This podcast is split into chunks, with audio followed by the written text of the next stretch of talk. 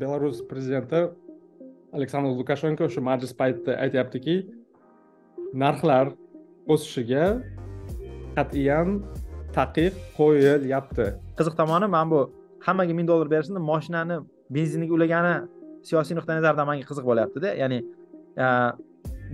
masalan nima benzin nima masalan go'sht demadi yoki kofe demadi yoki foiz stavkasini oshirishdan maqsad bu qaysidir ma'noda iqtisodiyotni o'tqazish haqiqatda narx oshishini to'xtatish uchun iqtisod sal pal sovish kerak. Iqtisod pal sal pal sovishini qanaqadir albatta jamiyatga va iqtisodiyotga xarajatlari bor. Yani kimdir balki ishsiz qolishi mumkin yoki ish o'rinlari ochilish sur'ati pasayishi mumkin. Ha kapitalistlar e, yovvoyi kapitalistlar bo'lib ketyapti. Shuning uchun narxlarni otikalasida qilib tashlashyaptimi degan narsa qisman. To'g'ri? Odamlar o'sha rent control apartment ya'ni arendasini nazorat qilgan o'sha e, e, kvartiralar deylik. E, uchinchi avlodga ko'chib yuborayotgan ekan ya'ni odamlar uy emas arenda huquqini meros bo'lib qoldirib ketishyaptida chunki har gaplashyapmiz benzin oshishi kaliforniya hokimi belarus prezidenti va z fashist kanallardagi e, birinchilikda insonsiz tagida skrinshotni ko'rganlar bo'lishi mumkin so'kib yozishyapti mudofaa sanoati boru ular ham patriotlar ular antikapitalistlarku lekin ularda ham o'sha o'sha qonuniyatlar ishlaydi benzinni narxini oshish bu qizg'anchiqlik degandagi benzin narxi tushishi insof kirganimi degandagi gapda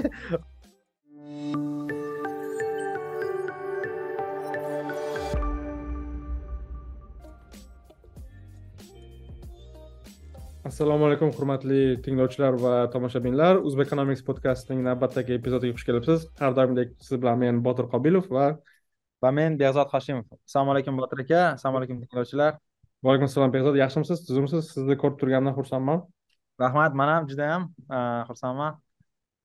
Bugungi podkast epizodimiz manimcha bir haftalik pauzadan keyin bo'lyapti shu har doimgidek shu davr mobaynida yig'ilib qolgan mavzular yoki biza ko'rgan qanaqadir kuzatuvlarimiz haqida gaplashishga e, qaror qildik. Ya'ni biz mavzularni cherry picking qilmaymizda ya'ni aktual bo'lgan e, mavzu haqida gaplashamiz. Balki bugungisi mavzu qaysidir tomoshabinlar va ishtirokchilarga va albatta bizga qayta qayta qaytarilayotgan bo'lishi mumkin lekin aktualga yo'qotmaganligi uchun e, bu haqida yana gaplashamiz ha man manki masalan narx mavzusi ya'ni narx nazariyasi deyishadi e, chikago universitetida bu e, fanni judayam dolzarb va narx masalasi hozir oxirgi bir yilda g'arbda ham hatto ko'p nima deydi takrorlanmoqda. Va o'zbekistonda bu doimo mavzu edi. O'shanga narx haqida gaplashish manimcha qiziq bo'lardi. Lekin albatta nazariyasi o'sha o'sha bo'lishi mumkin lekin misollar e, yangi bo'lishi mumkin. Siz manga e, bundan oldin ya'ni yozishimizdan oldin aytdingiz lukashenkoni yangi videosi chiqibdi ko'rdingizmi dedingiz. O'sha mashhur e, youtuberlar. Youtuberni o'shanga bir ko'rsatmoqchisiz ko'ring va ko'rmadim o'qidim lekin ko'rsatsangiz. Ha o'shaning uchun hozir boshlanishiga biz o'sha videodan boshlaymiz. Hozir man uni yaqinda chiqqan ya'ni keng o'tgan kuni oltinchi oktyabrda chiqqan video bu. Hozir yigirma besh o'ttiz sekundlik lavhani qo'yamiz. 6 числа запрещается всякий рост цен. Запрещается сегодняшнего дня, не завтрашнего, а сегодняшнего, чтобы за сутки не накрутили цены. Поэтому с сегодняшнего дня рост цен запрещается. И не дай бог кто-то у себя по бухгалтерии, кто-то проведет задним числом чего-то, какие-то расчеты, перерасчеты. Dahshat. Ya'ni o'zbek tiliga tarjima qiladigan bo'lsak e, belarus prezidenti aleksandr lukashenko shu majlis paytida aytyaptiki narxlar o'sishiga qat'iyan taqiq qo'yilyapti. Ya'ni inflyatsiya oshib ketyapti. Inflyatsiya narxlar o'sish darajasi oshib ketyapti va u bilan e, qandaydir hal qilish o'rniga e, ya'ni hal qilish uchun bunday yo'l topilyapti ya'ni narxlarni muzlatilyapti shu videoni man kecha ko'rib qoldim. Ya'ni bu g'arb ommaviy axborot vositalariga chiqib ketgani uchun ko'rib qoldim man. Ha yo'q a man anaqa kulgili ko'ringan anavi mem borku а что так можно было? deydiku shunaqa ham mumkinmidi ya'ni odamlar narx oshishiga nisbatan har xil anaqa qilishadi u yerda qaror bilan lekin mani umidim ya'ni belarus xalqi e, nuqtai nazaridan e, ularni prezidentini aytayotgan narsasi mm, ya'ni ijrosi muammoli bo'ladida. Chunki agar hozir haqiqatdan buni uddasidan chiqa olsa ya'ni narxdan o'sishga yo'l qo'ymasa albatta kulfatli oqibatlar bo'lishi mumkin. Ya'ni mani hozir yagona umidim korrupsiyalangan tizim bo'lgani uchun e, ya'ni qonun muhofaza qiluvchi idoralar muammoli bo'lgani uchun va hokazo bu qonun e, kuchga kirmaydi. Yoki qarormi podshohga o'xshab tilak. gapiradi. Xullas tilagi e, amalga oshmaydi. Chunki agar xudo xudo ko'rsatmasin bu amalga oshadigan bo'lsa juda ham kulgili emas narsalar bo'lardida. Ya'ni bir pasda shu nima deydi oziq ovqatlar yoki kerakli dori darmonlar siz insonlar qolib ketardi. Tilagim shuki yaxshiyam u virtual reallikda yashaydi ya'ni uni gapiradi va boshqalar amal qilmaydi. Shu uchun qiziq lekin bilasizmi qiziq tarafi aynan shu gap va aynan shu iqtisodiy yechim nobel mukofoti beriladigan haftaligi atrofida bo'lganligi qiziq tuyuldi. Ya'ni man siz aytgan memlarni ko'rdim что ростом так можно было? yoki inflyatsiya bilan e, kurashishni bunaqa yo'lni hech qaysi hech qaysi iqtisodchi o'ylab ko'rmagan ekan degan narsalarni ko'rdim. И eng kulgilisi bilasizmi? Bu narsa faqat belarus haqida emas. Masalan e, kimdir aytishi mumkinki what aboutism deydiyu aqshda bo'lganku bunaqa narsa juda ko'p bo'lgan. Yetmishinchi yillar nikson qilganku deydi nima biza mumkin emas. Desa aynan birov qilgan ahmoqlikni qaytarish kerak degani emas shuning uchun biza o'sha yetmishinchi yillarda nikson kelganda xuddi shunaqa siyosat qilgan narxlarni muzlatgan va magazin bay siyosatini olib borgan. Ya'ni har bitta magazinma magazinma yuradigan e, agentlik ochgan. O'sha yerda ishchilar davlat ishchilari magazinma yurib narxlar oshyaptimi oshmayaptimi oshgan magazinlarga shtraf qilib yurishgan. Lukashenkoni fikricha xuddi shu narsani qilish kerak bot. Ha o'zi masalan eng qaqshatqich narsa aqshda bo'lganlardan biri bu e, benzinni narxini e, keskin regulyatsiya qilishgan o'sha Э, o'rta sharqdagi urush paytida. Э, viskonsinda bo'lganim uchun bir ikkita э, hikoyalarni eshitganmanki endi neft asosan o'sha portlarga yaqin joylarda kelardi va e, tepaga trubalar yoki e, moshinalar yoki qanaqadir boshqa transport vositalari orqali yetib kelardi va qiziq tomoni masalan texas bilan viskonsinda narxi bir xil bo'lib qolsa neftni e, anaqa yo'q nima deydi rag'bat yo'q shimolga olib kelishga ya'ni masalan hozir masalan odamlar kaliforniyaga yoki arigonga yoki viskonsin yoki aydahoga benzin yoki neftni olib kelishini sababi qimmatroqqa sotishda endi oddiy qilib aytganda agar narxi э, teng bo'ladigan bo'lsa ololmaydi va eshitishim bo'yicha administratsiyaga э, shu shimoliy shtatlar va o'rta э, g'arb shtatlari deydi midwestern states shu memo yozishgan ekan iltimos premium qilib beringlar bizaga chunki premium qilmasak ishlab chiqaruvchilar bizga umuman sotmay qo'yadi. Ya'ni agar siz bozorda arzonroq narxga sotayotgan bo'lsangiz boshqa joyga borib sotishingizga ehm, hech qanaqa rag'bat qolmaydiku. Shuning uchun ehm, albatta aqsh ham buni qilgan mana hozir ham e, bir ikkita misollarni bilsangiz kerak. Masalan nyu york shahrida e, rent control degan narsa bor. Ya'ni e, arendani narxini nechadir yiliga nechadir foizdan ko'ra ko'proq oshirish mumkin emas degan. Shu qarorlar ham anchayin nima deydi zarar bo'lgan va hozir mana odamlar o'sha rent controlled apartments ya'ni arendasini nazorat qilgan e, o'sha e, kvartiralar deylik e, uchinchi avlodga ko'chib yuborayotgan ekan ya'ni odamlar uy emas arenda huquqini meros bo'lib qoldirib ketishyaptida. Chunki masalan o'n ming dollarlik hozir kvartirani ikki ming dollarlik arenda olish huquqi o'sha kontrakt.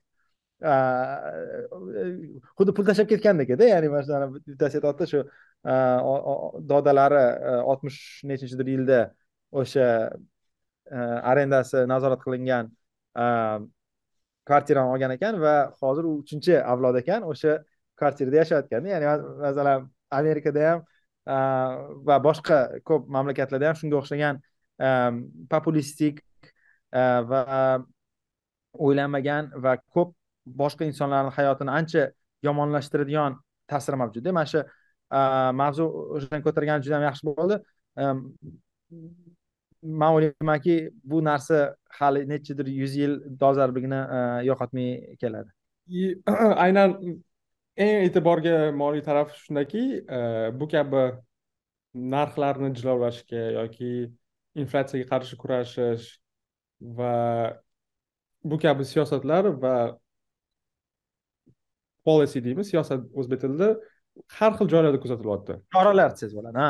Qarorlar e, yechimlar ya'ni g'ayrotabiiy qarorlar ya'ni hozir biz bilamiz dunyo bo'yicha inflyatsiya har qanday mamlakatda narxlar oshib boryapti va bu e, bu bor narsa. Lekin har kim har qanday yondashuv siz aytgan populizm degan so'z esimga tushib qoldi. Buni aynan bugun e, mana bugun yettinchi oktyabr ertalab man xuddi shu populistik yechimlardan bittasini ko'rdim. Uni ham hozir ko'rsataman va audioda eshitayotganlarga tushuntiraman ya'ni kaliforniya shtatini hokimi gubernatori ya'ni gavin nyusom bugun shunday e, kecha uzr kecha e, yozib qoldirdi twitterda. Aytyaptiki kaliforniyada benzin narxlari juda yam baland yigirma uch millionta kaliforniyaliklar ertadan boshlab ya'ni bugundan boshlab ming dollar chek pul olishadi. Chunki benzin narxi oshib ketyapti va buni aytishicha bu mamlakat tarixida eng katta tax rebate deydi. Ya'ni pulni qaytarib berish siyosati ekan.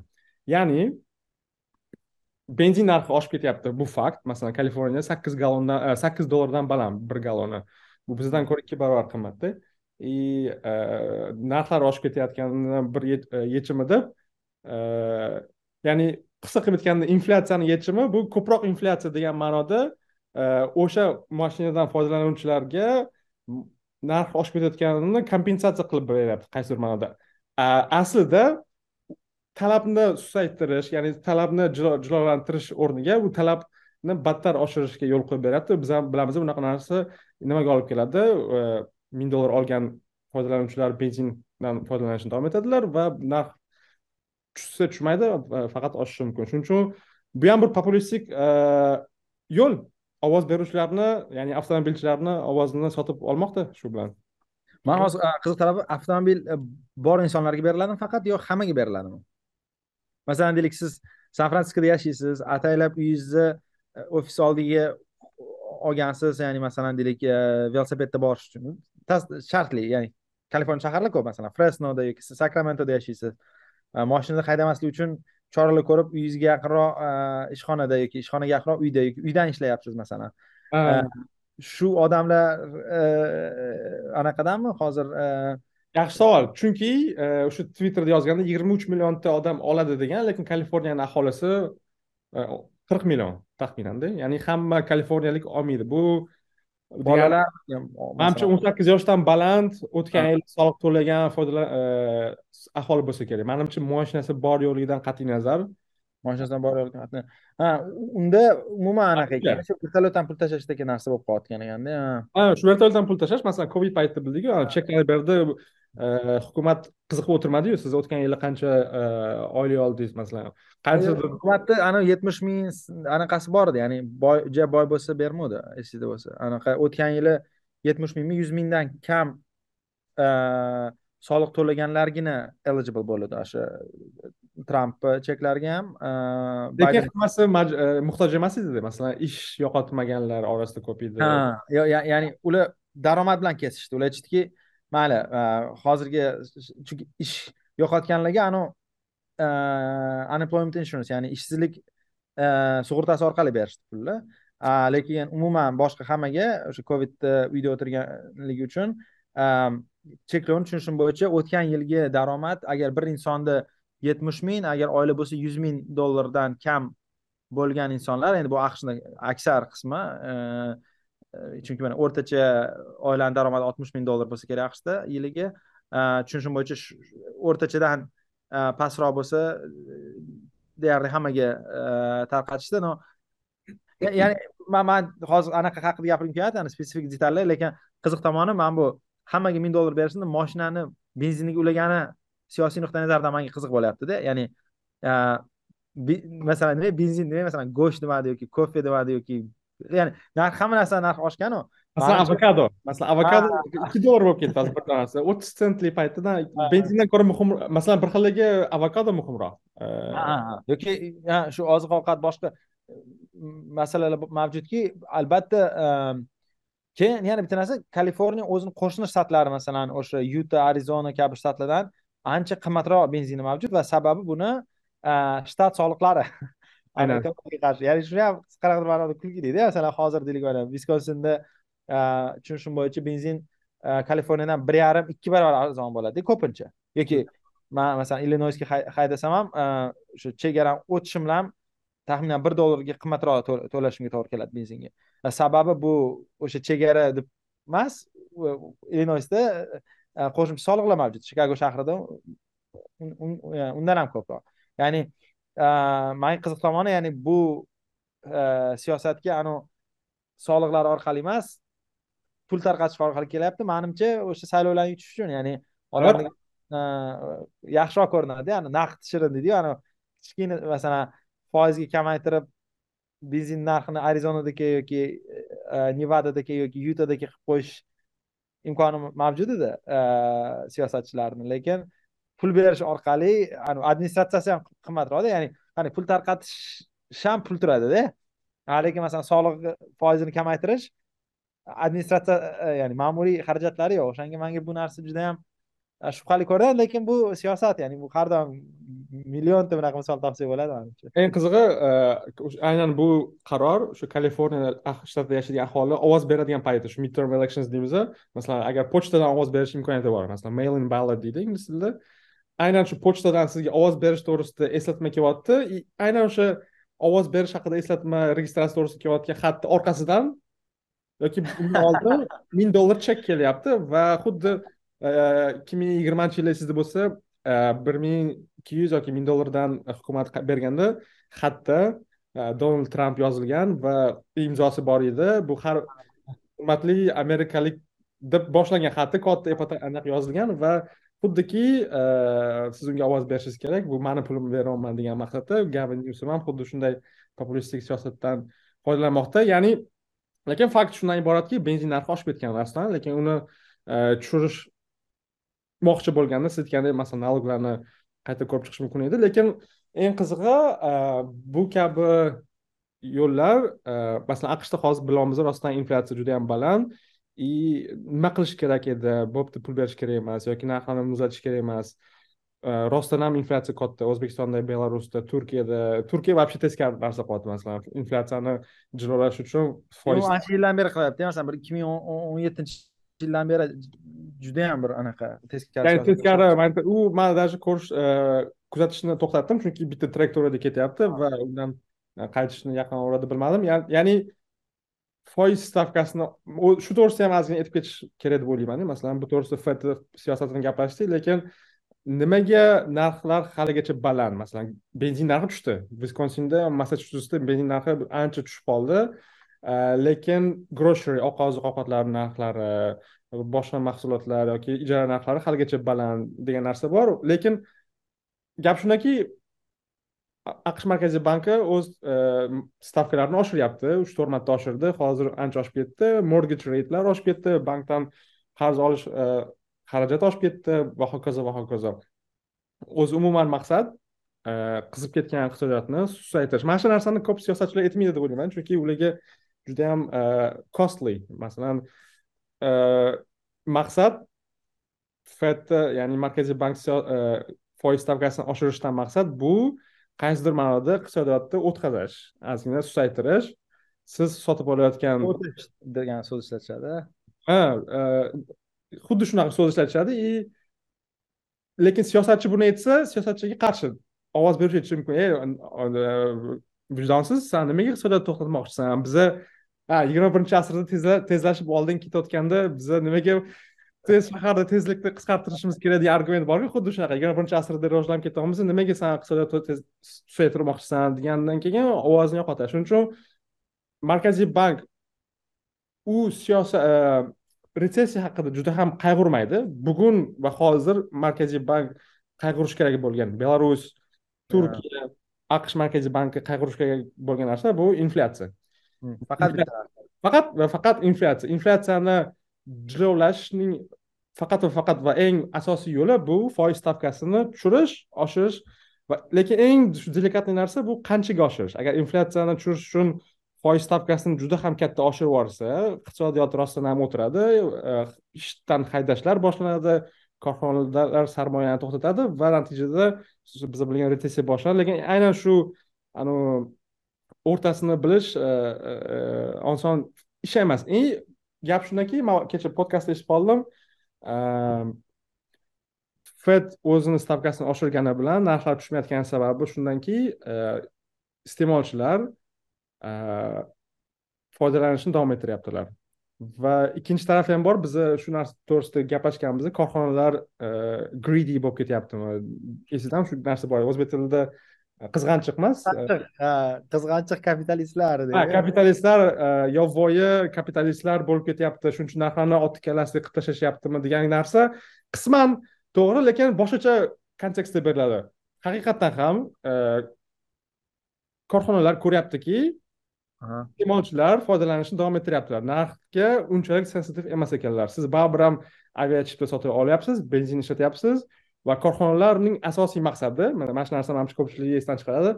Korxonalarning asosiy maqsadi foyda qilish. Mhm. korxonalar foyda qilish imkoniyatini ko'ryaptimi? Albatta foyda qiladilar. Lekin foyda qilish imkoniyatini ko'rmasalar ular albatta e, o'shanga qarab e, harakatlanadilar va korxonalar ko'ryaptiki e, iste'molchilar narxga unchalik ta'sirchanlik qilmayapti va demak bizlar narxni tushirishimiz shart emas. Masalan biza bozor qiladigan magazinlarda masalan costcoda ko'rgan ko'rgan bo'lsangiz narxlar haligacha baland. Lekin vaholanki shipping costlar ya'ni o'sha supply chain muammolari hal bo'ldi va yetkazib berish uni e, olib kelish xarajatlari ancha tushgan bo'lsa ham prilavkada turgan narxlari tushmagan. Sabab e, e, rag'bat bor. Iste'molchilar sotib olyapti. Yo'q endi qarang mana bunaqada agar iste'mol man o'ylashimcha bu yerda masalan raqobat nuqtai nazaridan o'ylash kerakda e, rag'batni ya'ni costco narxini tushiradi chunki iste'molchilarni alternativalari ham narxini tushirmayaptida. Ya'ni aynan. masalan bilmadim masalan olmani narxi masalan olmani olib kelish xarajatlari kamaygandir costcoda masalan. Lekin e, boshqa magazinlar ham narxni tushirmayotganligi uchun tushirmayapti costcoda. Ya'ni man o'ylamayman ularda e, narx siyosat e, boshqa magazinlarga qarab qarashadi. Boshqa magazinlarga qarab degani va retailda aqshda nihoyatda kuchli raqobat bor. Ya'ni hech qaysi korxona price setter emas ya'ni narxlarni belgilolmaydi endi bir bir xil shaharlarda walmart bir dona bir dona walmartlar bor. U haqida hozir gapirmaymiz. Ya'ni to'qson to'qqiz foiz hollarda hech qaysi reteyler anaqani belgilamaydi narxni belgilamaydi. Demak nimadir mavjudki chunki bu oddiy oddiy iqtisodiyotda agar masalan xarajatlar tushgan bo'lsa qaysidir riteyler narxni tushirsa u hamma foydani o'ziga tortib oladi. Endi bu yerda ikkita logika bor. Birinchisi ularda kartel kelishuv mavjud. Bu endi imkonsiz. Э, chunki endi e, e, nimaga imkonsizligini hozir e, anaqa qilib o'tirmayman chunki agar agar siz kartel kelishuviga ishonsangiz i have a bridge to sell. Deydiyu bilasizmi masalan agar unaqa narsaga e, e, e, ishonadigan bo'lsangiz bu diskussiya emas. Ya'ni kelishuv deyarli imkonsiz. Demak qanaqadir narsa borki ularni hammasi narxini ushlab turibdi. Mana mana shu nima narsaligini bilmayapman. Chunki boy gap anavi xarajatlar bilan narx sal har xil narsada ya'ni to'g'ri xarajatlar oshsa narx oshishi kerak mantiq bo'yicha. Lekin narx bu faqatgina xarajatlarni emas o'sha e, bor talab va taklifni qanaqadir ham o'lchovi agar masalan talab kuchli darajada turadigan bo'lsa narxni tushirishga hech kimda rag'bat bo'lmasligi mumkin shu shu narsalar juda ham chuqur anaqa chuqur mavzu ya'ni kimdir mana shuni yaxshilab anaqa qarash kerak bo'ladi manimcha. Ma'lumotlarda qarash kerak. Chunki ya'ni e, ya'ni o'sha talab baland turibdida masalan hozir talab e, narxlar oshishiga qaramasdan va o'sha iste'mol qilinayotgan tovar narxi oshishiga qaramasdan talab haligacha yuqori turibdi. Masalan siz aytgandek korxonada narxni tushirishga hech qanday e, rag'bat yo'q. Chunki u foyda qilyapti shu shu bilan birga talabni qondiryapti va gaplardan biri shundaki demak aqsh markaziy banki o'z foiz stavkasini yetarli darajada hali oshirmabdi. Man ham shunaqa deb o'ylayapman mani mani shaxsiy fikrim shunday ya'ni pulni narxi yetarli darajada qimmat emas hali ham. Ha shu shunga olib kelyapman ya'ni aqsh markaziy banki davom etishi kerak. Bu masalan nimaga bu to'g'risida gap boshladim? Bu haftada hozir skrinshoti hozir yo'qu lekin birlashgan millatlar tashkiloti shunday birlashgan millatlar tashkiloti shundaki shunday chaqiruv bilan chiqdi. Yoki birlashgan millatlar tashkiloti qaysi departamenti bor? Chiqdiki Э, yetakchi mamlakatlarning markaziy banklari foiz stavkalarini oshirishni to'xtatishlar e, sekinlashtirishlari kerak. Bu aholiga qimmatga tushib ketyapti va global iqtisodiyotga putur yetkazyapti deb chiqishdi. Va birinchi savol tug'ildiki qachondan beri birlashgan millatlar tashkiloti markaziy banklarning monetar siyosat bo'yicha ekspertiga aylandi degani lekin gap shundaki markaziy bankdan iltimos qilishyapti. Iltimos o'rtoqlar foiz stavkasini oshirmang bizga qimmat bo'lib ketyapti. Uyga kredit olish benzin narxi yoki aksiya bozorlarida e, bizani pensionniy anaqa сбережениyalarimiz yo'q ketyapti degan e, gap bor. Lekin boshqa tarafdan ko'ryapmizki talab yuqori. E, iqtisodiyot более менее kuchli turibdi. Markaziy bank aksincha davom etishi kerak. Bu narrativ ko'pchilikka yoqmasa ham ayniqsa siyosatchilarga yoqmasa va iste'molchilarga qaysidir ma'noda yoqmasa ham oshirish kerak shunday darajaga qachonki talab bu biza iste'molni kamaytirishimiz kerak ekan degan darajaga yetmaguncha. To'g'rimi? Ha to'g'ri. Man man o'ylaymanki siyosati buni quyidagichada hozir markaziy bank e, o'sha foiz stavkasini oshirganning natijasida qanaqadir e, ishsizlik oshish mavjud bo'lishi mumkin. Aniq emas mavjud bo'lishi lekin ko'ryapmiz. E, bo'lyapti mana? E, texnologiya kompaniyalari e, haydashni boshlashyapti yoki freeze ham foizi kichkinada masalan agar hozir aqshda mana bu e, e, job report boru anaqa bureau of labor statistics bor aqshni mehnat vazirligini raqamlarini qarasangiz aqshga ishchi kuchi yetmayapti. Ya'ni e, ish ochilishlar bilan ish qidirayotgan odamlarni nomutanosibligi bor ochilayotgan ishlar nihoyatda ko'p. Mehnat bozorida odamlar nihoyatda kam. To'g'ri siz aytayotgan mana bu bir xil texnologiya kompaniyalari jumladan facebook e, eshitishim bo'yicha ishchi olishga anaqa qildi nima deydi. Freeze ya'ni to'xtatib qo'ydi lekin umuman aqsh bozorida hali ham ya'ni odamlar kerak ya'ni yetmayapti. Shu shu shu shu nazarda man boshqa narsa aytmoqchimanda. Mana bu birlashgan millatlar tashkiloti kabi insonparvar odamlar yaxshi niyatlar bilan ko'pincha xato xulosalarga kelib qolishadida. Ular o'ylashadiki to'g'ri o'ylashadi qanaqadir ma'noda inflyatsiya bilan ishsizlik e, orasida mm, nima deydi trade off bor. Ya'ni nimadir ko'paysa nimadir kamayishi kerak degan bir fikr mavjud. Va o'ylashadiki agar hozir markaziy banklar inflyatsiyaga qarshi kurashib e, kurashni jadallashtirishsa qanaqadir yaxshi insonlar e, nima deydi mm, ishsiz qolib ketishadi xullas retsessiya bo'ladi muammo bo'ladi deb o'ylaydi. Manimcha buni sababi shuki inflyatsiyadagi og'riq va nima deydi?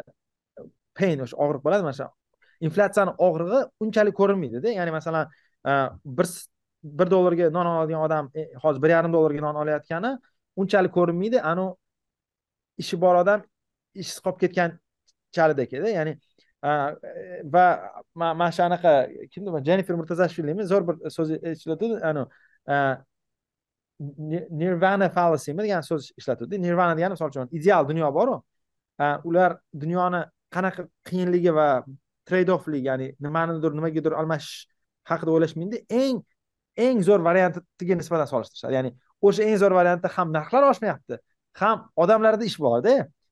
Haqiqatda narx oshishini to'xtatish uchun iqtisod sal pal sovish kerak.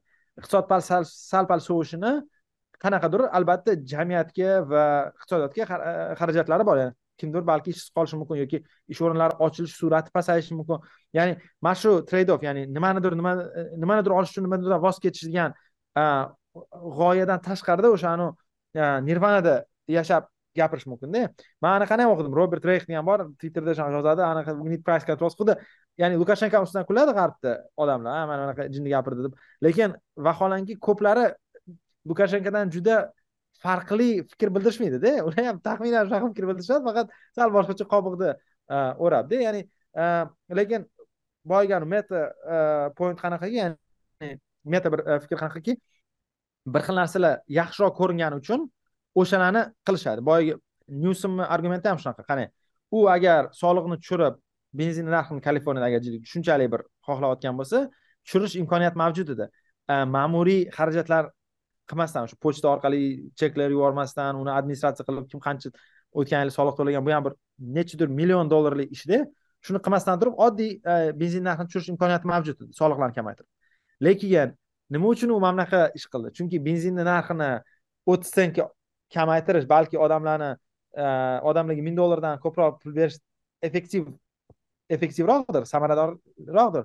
Lekin ko'rinmaydida odamlarga. Mana bizni o'sha hokim buva nyusi mana ming dollar berdi bilan o'ttiz sentlik narx tushishi bir xil narsa emasda. O'shanga ham aqshda ham institutlar yaxshi ishlaydigan mamlakatlarda ham odamlarda shunga nisbatan tendensiya mavjud. Ya'ni narx ming dollar ko'proq ko'rinadi bir yilda ikki ming dollarlik nima deydi tejashdan ko'ra. Xuddi shunaqa mana bu birlashgan millatlar tashkilotida ham hozir ikkita zavodda e, odamlar ishsiz qolgani uchun hamma e, yig'lash boshlaydi lekin vaholanki ko'p odamlar e, juda ko'p narsani sotib olish imkoniyatidan voz kechilayotgani va inflyatsiya bu de facto soliq ekanligini va ayniqsa kambag'allarga nisbatan soliq ekanligini tan olib va uni qanchalik og'riqli ekanini nima deydi tasavvur ham qilishmaydi. Shu manimcha eng asosiy bir fikrim bu mavzuda. anaqaga o'xshaydida man aytayotgan jabrlanuvchilar ko'rinadi deganingiz xuddi proteksionizm deb qaysidir zavodni yopsangiz yigirma mingta odam ko'chada qolib ketadi chunki ularni yuzi bor lekin vaholanki u zavod yopilmasa butun mamlakat aholisi ziyon ko'rayotganini ko'rmaydi siz aytganingizdek. Inflyatsiya ham xuddi shu anaqa kambag'allarga regressiv soliq turi. Masalan aynan narxlarni foiz stavkasini oshirish ko'pchilik bunga qarshi chunki boyroq qatlamga bu yaxshiroq ta'sir kattaroq ta'sir qiladi. Ya'ni sizni masalan ha boyroq qatlamga yomonroqda bu pensiyalari anavi yoki uyingizni narxi tushib ketadi yoki e, moshinani karloni e, ya'ni ipotekaga ipoteka emas e, moshinaga qarz e, bankdan olgan bo'lsangiz uni xarajat oshib ketadi pensioner fondlaringiz yo'qolib ketadi va sotib olgan e, high growth kompaniyalarni baholanish narxlanishi tushib ketadi va boyroq odamlar ko'proq yo'qotadilar. Lekin vaholanki inflyatsiya esa kunma kun xarajat qiladigan non benzin yoki un yeydiganlarga ko'proq ta'sir qilgani uchun aynan inflyatsiyani yechish bu ustuvor vazifa. Siz aytgandek to'g'ri qanaqadir zavod yopiladi va iqtisodiyot balki retsessiyaga ham keladi. Agar makenzi ishchilarini haydashi mumkinda. Ha makenzi yoki makenzi ishchilari uydan ishlashni boshlaydi. Samolyotda qatnamasdan yoki sammitlar qanaqadir yig'ilishlar zoomda yoki emailda o'tib ketadida masalan.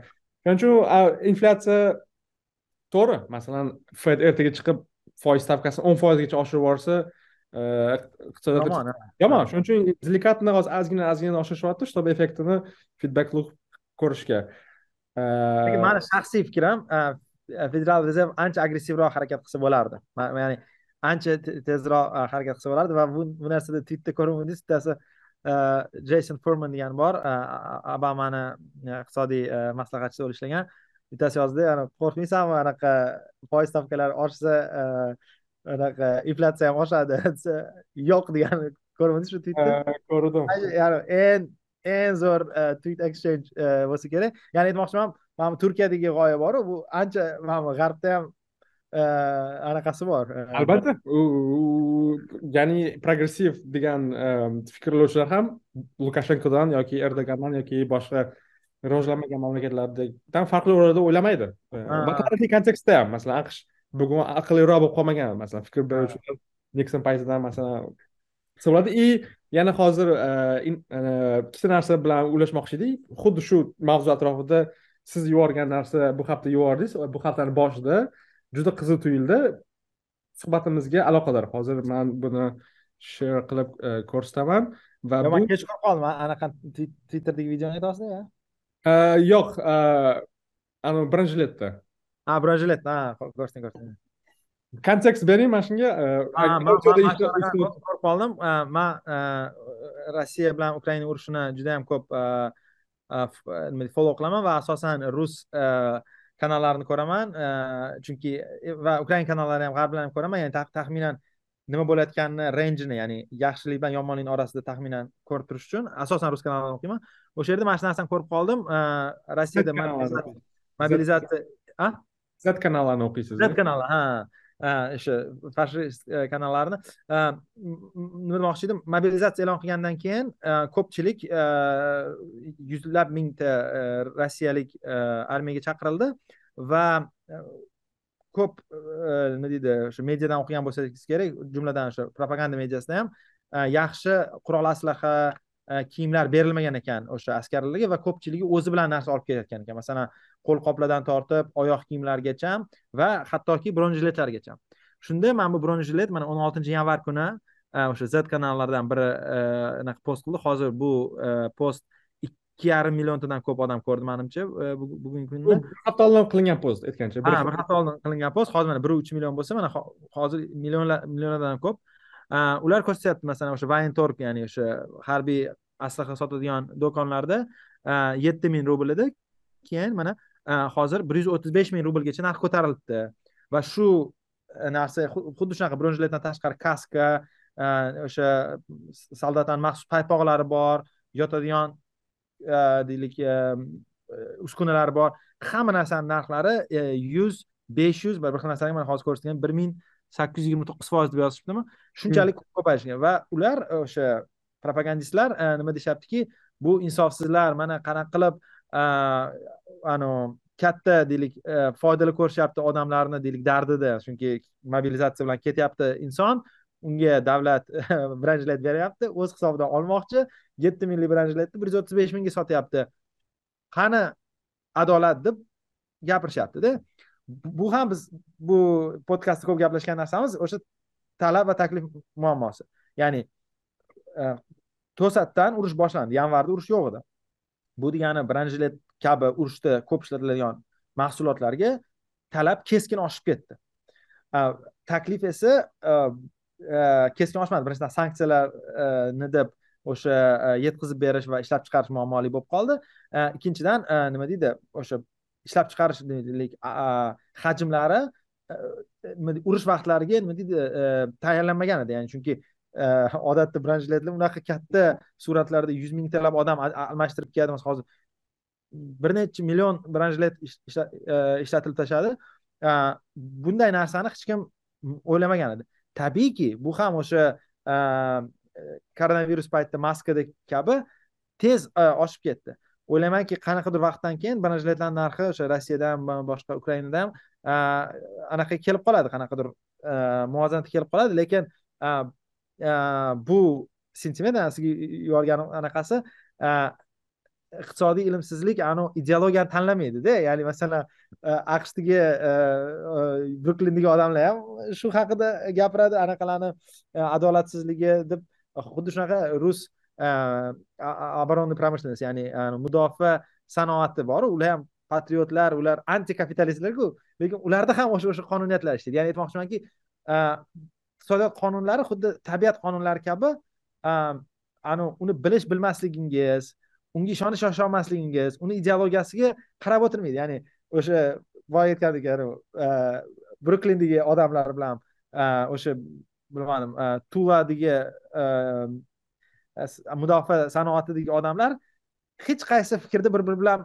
anaqa emasda nima deydi fikrdosh emasda. Ko'p ko'p narsalarda qarshi jamiyat qanaqa qurilishi haqida falsafa haqida ko'p qarama qarshi fikrlar bildirishligi mumkin lekin Э, shunday narsalarni ko'rsa taxminan bir xil reaksiya bildirishadi. Ya'ni insofsiz ishlab chiqaruvchilar. Lekin u yerda ham bu yerda ham sotuvchilar bilan ishlab chiqaruvchilar gaplashsangiz ularni albatta o'ziga yarasha anaqasi bor. Mani hozir bir e, anaqa qiziq e, fikrim bor. Agar deylik hozir rossiya mana shuni taqiqlab qo'yganida narx oshish lukashenko orqali. Unda rossiyada umuman branjlet qolmasdida. Ya'ni qanaqadir qanaqadir ma'noda mana shu narsa ham kerakli odamlarga yetib bormasdi. E, branjlet qolmasdi va lekin branjlet o'ta muhim bo'lgan masalan e, mobilizatsiyaga ketayotgan hozir askar branjlet sotib olishi kerakku hayotini saqlash uchun. Kvartirasini sotib bo'lsa ham branjlet sotib olishga tayyor masalan. Agar narxga taqiq qo'ysa lukashenkoga o'xshab kimdirlar branjeta sotib oladi podvol tiqib qo'yadi qora bozorda sotaman masalan. Eng muhimi anavi taklifni ko'paytirmaydi masalan hozir qarang bir yuz o'ttiz mana yetti ming so'mlik narsa bir yuz o'ttiz besh ming bo'lgani uchun hozir ular kerak bo'lsa bilmadim xitoyda tikib keladimi? Qayerda topsa afg'onistonda bo'lsa ham olib keladi. Mana erondan narsalar olib keladi. Shimoliy koreyadan ham narsa olib kelishyaptida shunaqa bo'ldiyu maska payti esingizda bo'lsa maska yo'q bo'lganda fabrikalarda maska tikishni boshlashdi esingizda bo'lsa masalan talabni ha toshkentda masalan chirchiqni yopib tashlashuvdi anaqa to'yxonani ichida хотя ular наоборот медвежий услуги qilyapti ya'ni yo'q medvedev yaxshilik qilishadi. Medvedev teskari gap u ya'ni ular yaxshilik qilishadi. Aytmoqchimanki mana shu branjlet anaqasida ham mulohazasida ham urush tugashini xohlaydigan inson sifatida xohlardimki ular taqiq qo'ysinda branjletsiz qolib ketsin va urush tezroq tugasin degan ma'nodada. Lekin ikkinchi tarafdan mana bu rus boshqaruvchilari qanchalik anaqa bo'lmasin baribir shu narx muvozanatga aralashyapti qanaqadir ma'noda masalan u ideologiyasiga qarshi masalan ha ideologiyasiga qarshi kapitalizmni eng uchiga chiqqan anaqasi ko'rsatkichi lekin ya'ni qanday tushunishyaptiki buni hozir narxini hozir lukashenkoga o'xshab bo'ldi branjletlarni narxi oshishga taqiq qo'yamiz desa biladiki hech qaysi ishlab chiqaruvchi branjlet bo'ldi anaqasini uyiga ketadi ha. Hozir masalan o'n smen ishlayotgandirda o'shani yetkazib berish uchun. Shunaqa shunaqa shu shu nuqtai nazardan o'ylaymanki qiziq tomoni mana shu iqtisodiy qonuniyatlar urush nima deydi urush emas konsertga bilet arendaga bilet hammasini mantig'i bir xilda o'sha aqshdagi benzinni narxini oshish bu qizg'anchiqlik degandagi benzin narxi tushishi insof kirganimi degandek gapda. Hozir ham narx tushishda insof kirganmi bulargada? Shu qiziq qiziq qiziqligi har xil kontekstda gaplashyapmiz benzin oshishi kaliforniya hokimi belarus prezidenti va z fashist kanallardagi e, branjletni insofsiz tagida skrinshotni ko'rganlar bo'lishi mumkin so'kib yozishyapti. E, va eng muhimi o'zbekistonda ham bu narsa ko'rib turiladi. Bu haftada biza siz ham mana e, отдельно ko'rib qolibmiz shu narsani ham hozir bir daqiqalik videoni qo'ymoqchiman va uni ulashishdan maqsad aynan bu video haqida emas lekin bu biza gaplashayotgan mavzuni juda yam yaxshi yoritib berganligi uchun va o'sha videoni o'zida savolga javob bo'lganligi uchun man o'zimga saqlab qo'ydim iqtisodiyot darsiga degandim va shuni hozir ulashmoqchiman. Ha buni ikkalamiz ham ko'rdik shekilli ikkalamiz ko'rdik. Siz manga yubordingiz. Man uni o'zim ko'rgandim va yozib qo'ygan ekansiz buni ko'rdim. И twitterda yozilgan video ya'ni bu public information shuning uchun biz uni hozir ko'rsatamiz. Bir daqiqalik video. Bu foydalanuvchining ismlari feruza najmiddinova ekan va hozir videoni qo'yib eshittiraman assalomu alaykum hammaga. Hozir bitta narsani aytib bermoqchiman. Biza viloyatga borish uchun taksi gaplashgan edik bir yuz ellik ming so'mdan salon olish gaplashgan edik bugun taksi aka telefon qilyaptilarda uzr man sizlarni bir yuz ellik mingdan olib borolmayman deyaptilar nimaga? Desam e, chunki narxlar oshib ketdi. Narx nimani hisobiga oshdi? Gaz oshdimi benzin oshdimi ya'ni xarajat qiladigan nimangiz oshdi desam yo'q unaqa emas. Mashinaka ham odam ko'p ketayotgan odamlar juda yam ko'p. Ham viloyatdan qaytish e, umuman odam bo'lmaydi. O'shaning uchun bizga minus bo'ladi. Lekin sizni gazingiz benziningiz oshmagani shunchaki narx oshirib yuborish mumkinmi desam nuda bozor shunaqa oshib ketdi. Xohlasangiz spitakka kelib ko'rsangiz ham bo'ladi. Afsuski man bir yuz ellik mingdan olib ketolmayman dedilar. Tilim ojiz xullas nima deyishga? Narxlarni o'zidan o'ziga просто tupо xohlashyapti va oshirishyapti nima deyishga ham to'g'risi hayronman sizlarda ham shunaqa bo'lganmi? Ya'ni ketyapman deyapsizlar lekin уже taksilar yo'q. Chunki kelishilgan odam olib ketolmayapti juda asabiylashdim to'g'risi. Qarang mani bir savolda botir aka qarang bular kelishuv qilishganku mana aytdiku kelishuv qilib. O'sha taksi haydovchisi kelishuvni buzyaptimi yo'qmi shuni ham bir anaqa tushuntirmayapti chunki kelishuvni buzsa bu qanaqadir anaqa nima deydi qanaqadir argument bo'lishi mumkin to'g'ri o'rinli savol bu video masalan kvartiralar hozir chiqarib yuboryapti xuddi shunaqa arrendator ham kvartirani telefon qilyaptida hozir talab oshib ketdi narxi oshirishim kerak chiqib ketdi bo'shatib qo'y deyapti xuddi shu narsa yoki bo'shatib qo'y yoki narxi oshirdi yoki bo'shatib qo'y yoki dobr bir yuz ellik dollar qimmatroq to'la deyapti ikkalasida bitta narsa narxni oshirayotgan odamlarga qo'yilayotgan ayb shundaki lafzida turmayapti bergan va'dasini ustidan chiqmayapti va va'dasini ustidan chiqmayapti va narxi insofsizlarcha oshirib qo'yapti deyapti. Ya'ni og'zakka berilgan kelishuvni buzyapti degan e, vaj bor. E, bu qaysidir ma'noda to'g'ri. Ya'ni o'zbekistonga o'xshagan mana bu trust based economy ya'ni ishonchda qilinadigan kelishuvlar bu ko'p uchraydi bunday narsalar. Va man bu e, foydalanuvchi twitter foydalanuvchisini gapiga qo'shilaman. Qaysi ma'noda? Ha taksist shartnomani og'zaki shartnomani buzyapti. Lekin e, bu shartnomaga og'zaki shartnomaga taksist ham e, va bu foydalanuvchi ham o'zaro xohish bilan kirganlar va bu foydalanuvchi ham shunday vakolatni o'zlariga olganlarki imkoniyatni. Agar ular o'sha manzilga borishni xohlamasalar pitaka просто kelmanglar yoki taksi joyiga kelmanglar yoki telefon qilinglar man ishim chiqib qoldi deydilar va shartnoma buzilib ketdi va taksist xuddi shu ohangda ayblashi mumkin foydalanuvchini bizada kelishuvimiz bor edi? Bir yuz ellik mingga olib ketishim kerak edi. Nima kelmadingiz qani pulni to'lang deyishga e, vaholanki haqqi bor deyishimiz mumkin. Lekin o'sha og'zaki shartnomaga ikkala taraf qo'shilganki xohlagan paytimizda u taraf ham bu taraf ham kontraktni og'zaki kontraktni bajarmasa hech qanday jarima yo'q. Ya'ni aytmoqchisizki u shartnomani qilayotganda ikkala taraf ham tushunardiki bir taraflama u shartnomadan chiqib ketish ya'ni shunaqa tushunish bor ediki anaqani shartnomani ichiga qo'yilgan ya'ni ular narxni ichiga qo'yilgan. Narxni ichiga qo'yilgan masalan bormaslik degani pul to'lash shart degani emas.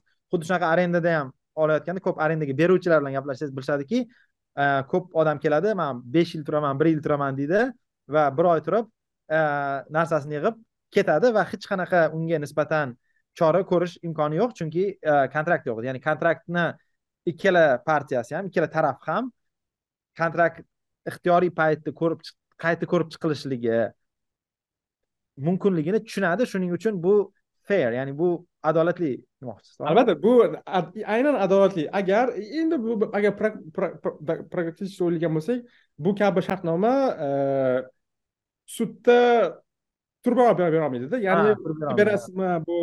Albatta bu noinsof taksist yoki noinsof arendatorni chaqirishimiz mumkin lekin what you gonna do masalan sudga borsangiz bu qarang sudda bir xil masalan aqsh sudlari bir xil og'zaki kontraktlarni bir xil shtatlarda og'zaki kelishuv ha degani lekin o'zbekistonda emas masalan yo'q yo'q lekin man qarang man o'ylayotganim bu yerda agar o'sha o'sha shtatdagi og'zaki kelishuv haqida ham gaplashsak hozir man boshqa bir majlisga borishga siz ham borishingiz kerak hozir tez yakunlashga harakat qilaman shu og'zaki kontraktlarni bajaradigan shtatlarda ham bu muammo bo'lishi mumkin. Chunki agar ikkinchi taraf tushuntirib bersa hozirgi aytayotgan narsangiz ya'ni bu kelishuvda ikkala taraf shunaqaligini shunaqa kutilmalar mavjudligini aytsa bu kontrakt emas. Ya'ni biz bilardik shunaqa bo'lishini.